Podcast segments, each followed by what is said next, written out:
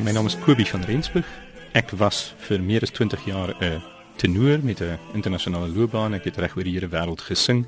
En my gebied van spesialisasie was musiek van die 17de en 18de eeu, die begin van opera.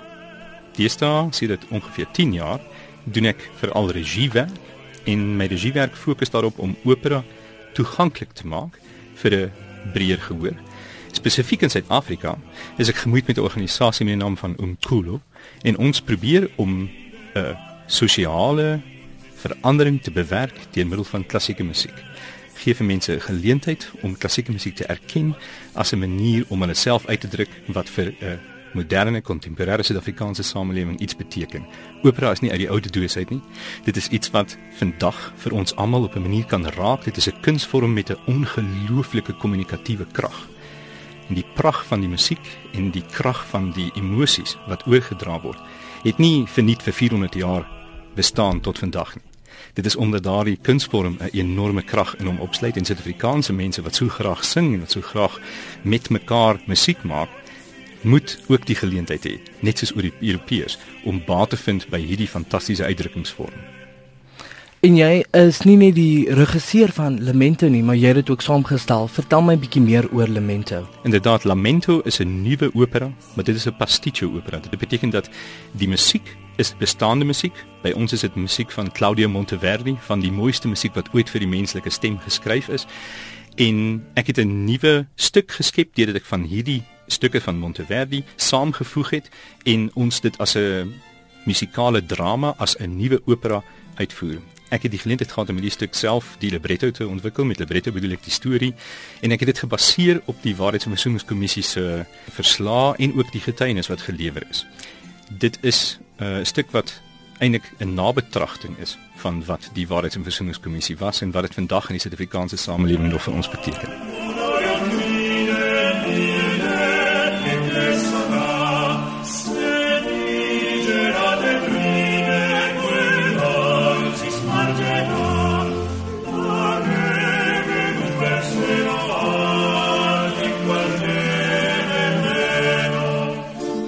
Wat behels hierdie produksie? Daar's nogal baie uniekhede wat jy tevore al vir my uitgelig het. Vertel my 'n bietjie daaroor. Die musiek wat ons sing, is musiek wat in Suid-Afrika amper nooit gehoor word nie. Ons is oortuig daarvan dat 'n groot deel van die musiek wat ons in die aand aanbied, vir die eerste keer in Suid-Afrika uitgevoer word met instrumente soos byvoorbeeld kitarones en uh, dinge wat eintlik uit die 17de eeu kom, maar ons doen dit op 'n kontemporêre moderne manier in Suid-Afrika. Die uniekheid verder op die verhoog is dat dit is 'n baie multimediale produksie en ons gebruik tegnieke wat eintlik uit Hollywood uitkom. Dinge soos byvoorbeeld 'n sogenaamde blue screen chroma keying wat in absolute egte tyd, nie soos wat dit mens uit 'n televisieproduksie ken, opgeneem word en dan geredigeer word nie, maar terwyl die sangers op die verhoog sing, word hulle in 'n virtuele omgewing Eh, deur middel van rekenaar en projeksietegnologie in 'n omgewing ingesit. Ek kan hulle in ikoniese beroemde foto's van die 60e, 70e jare, die opstande in Soweto kan ek my sangers in daardie situasie inplaas. Ons kan uh, blitsvinnig van een uh, toneel tot die ander wissel en daarom is die opera ook in sewe verskillende episodes ingedeel waarin ons verskillende karakters leer ken. So dis eintlik om die waarheid te sê sewe klein operas wat op 'n manier almal in mekaar vloei om die storie te vertel wat vir my as 'n Suid-Afrikaner wat in die buiteland leef verskriklik belangrik was.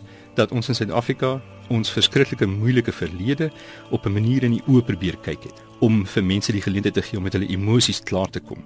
Ons hmm. menslike emosies is dieselfde emosies wat ons 400 jaar uh, beleef het wat Monteverdi in sy operas ook probeer uitdruk het. Hmm. En hy het probeer om emosies soos haat en wraak te versoen met emosies soos byvoorbeeld liefde en 'n sagte uitdrukkingsvorm. Hy probeer in sy werk om daar 'n versoening te vind en ek het 'n onmiddellike parallel gesien tussen daardie stories wat hy wou vertel mm. en wat ons vandag in Suid-Afrika kan vertel. Ons mag nooit vergeet wat gebeur het in die verlede nie sodat ons toekoms daardeur beter kan word. En dit is die idee van hierdie stuk.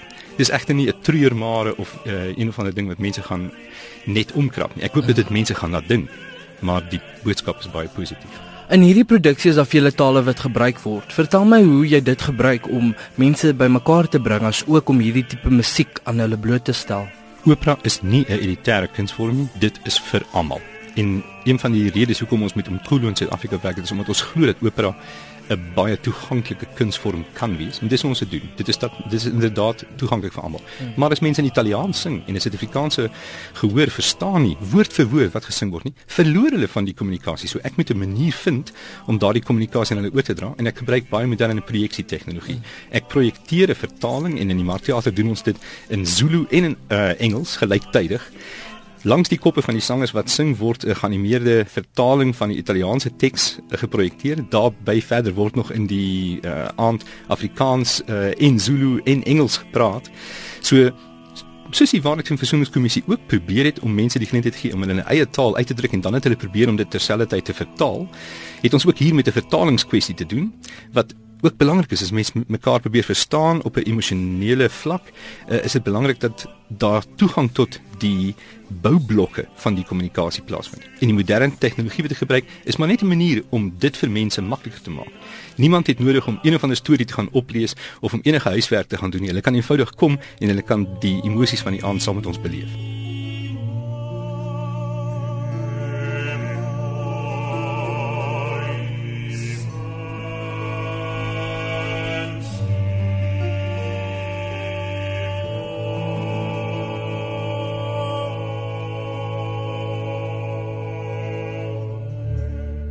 Waar anders in die wêreld sien ons hierdie tipe opvoering en is dit uniek aan Suid-Afrika?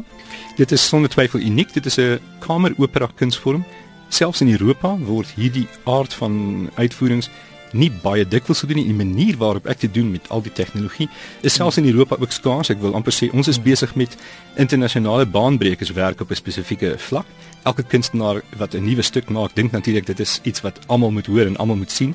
Maar ek dink regtig dat in Suid-Afrika mense wat 'n behoefte het aan 'n fyn vorm van uitdrukking, aan 'n genuanceerde, meer op meerige vlakke van kommunikasie gaan groot vreugde hê aan hierdie stuk. Dit roer, dit raak. Die musiek is gemaak om onder jou vel te gaan en om stories te vertel wat ons as Suid-Afrikaners beslis moet hoor. Vertel my oor die inspirasie agter hierdie stuk. Hoe het dit ontstaan? Toe ek in Europa begin sing het, het ek gedink die musiek van Monteverdi is wonderlik, maar in Suid-Afrika ken mense dit nie want ons hmm. het nie die vaardigheid, die kundigheid of die instrumente dikwels om dit uit te voer nie. En ongeveer dieselfde tyd het die eerste verhore van die Waarheidsversoeningskommissie plaasgevind en mense het begin om getuienis af te lewer.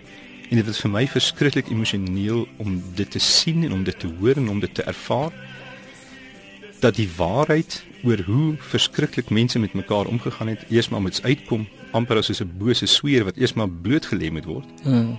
En dan die moed van mense om te probeer om daardie dinge in die oë te kyk en om mekaar in die oë te kyk en om op 'n of ander manier te probeer om te versoen. Ek dink dit was fantasties en nou het ek 'n geleentheid aangegryp om dit wat in die Waarheids- en Versoeningskommissie verslae tussen mense gebeur het in musiek om te sit wat ek dink musiek is wat gehoor moet word en daardie kombinasie maak dit vir my half ek wil amper sê dis half 'n liefdeslied aan my land. Dit is 'n liefdeslied aan die mense van hierdie land en aan hulle swaar kry en aan hulle moed om die toekoms in te kyk en te glimlag en Suid-Afrikaners te wees wat ons vandag ken. Hierdie stukke sal in Sasolburg opgevoer en tussen die 3de en die 6de November gaan dit by die Markteater opgevoer word, maar daarna waar kan Lamento gesien word? Ek wil vir mense aanmoedig om regtig die 3de tot die 6de November in Suid-Afrika te kom kyk want dit is 'n baie beperkte speelvlak en as hulle die stuk in Suid-Afrika wil sien dan moet hulle na die Markteater toe kom tussen die 3de en die 6de November om dit nog te sien.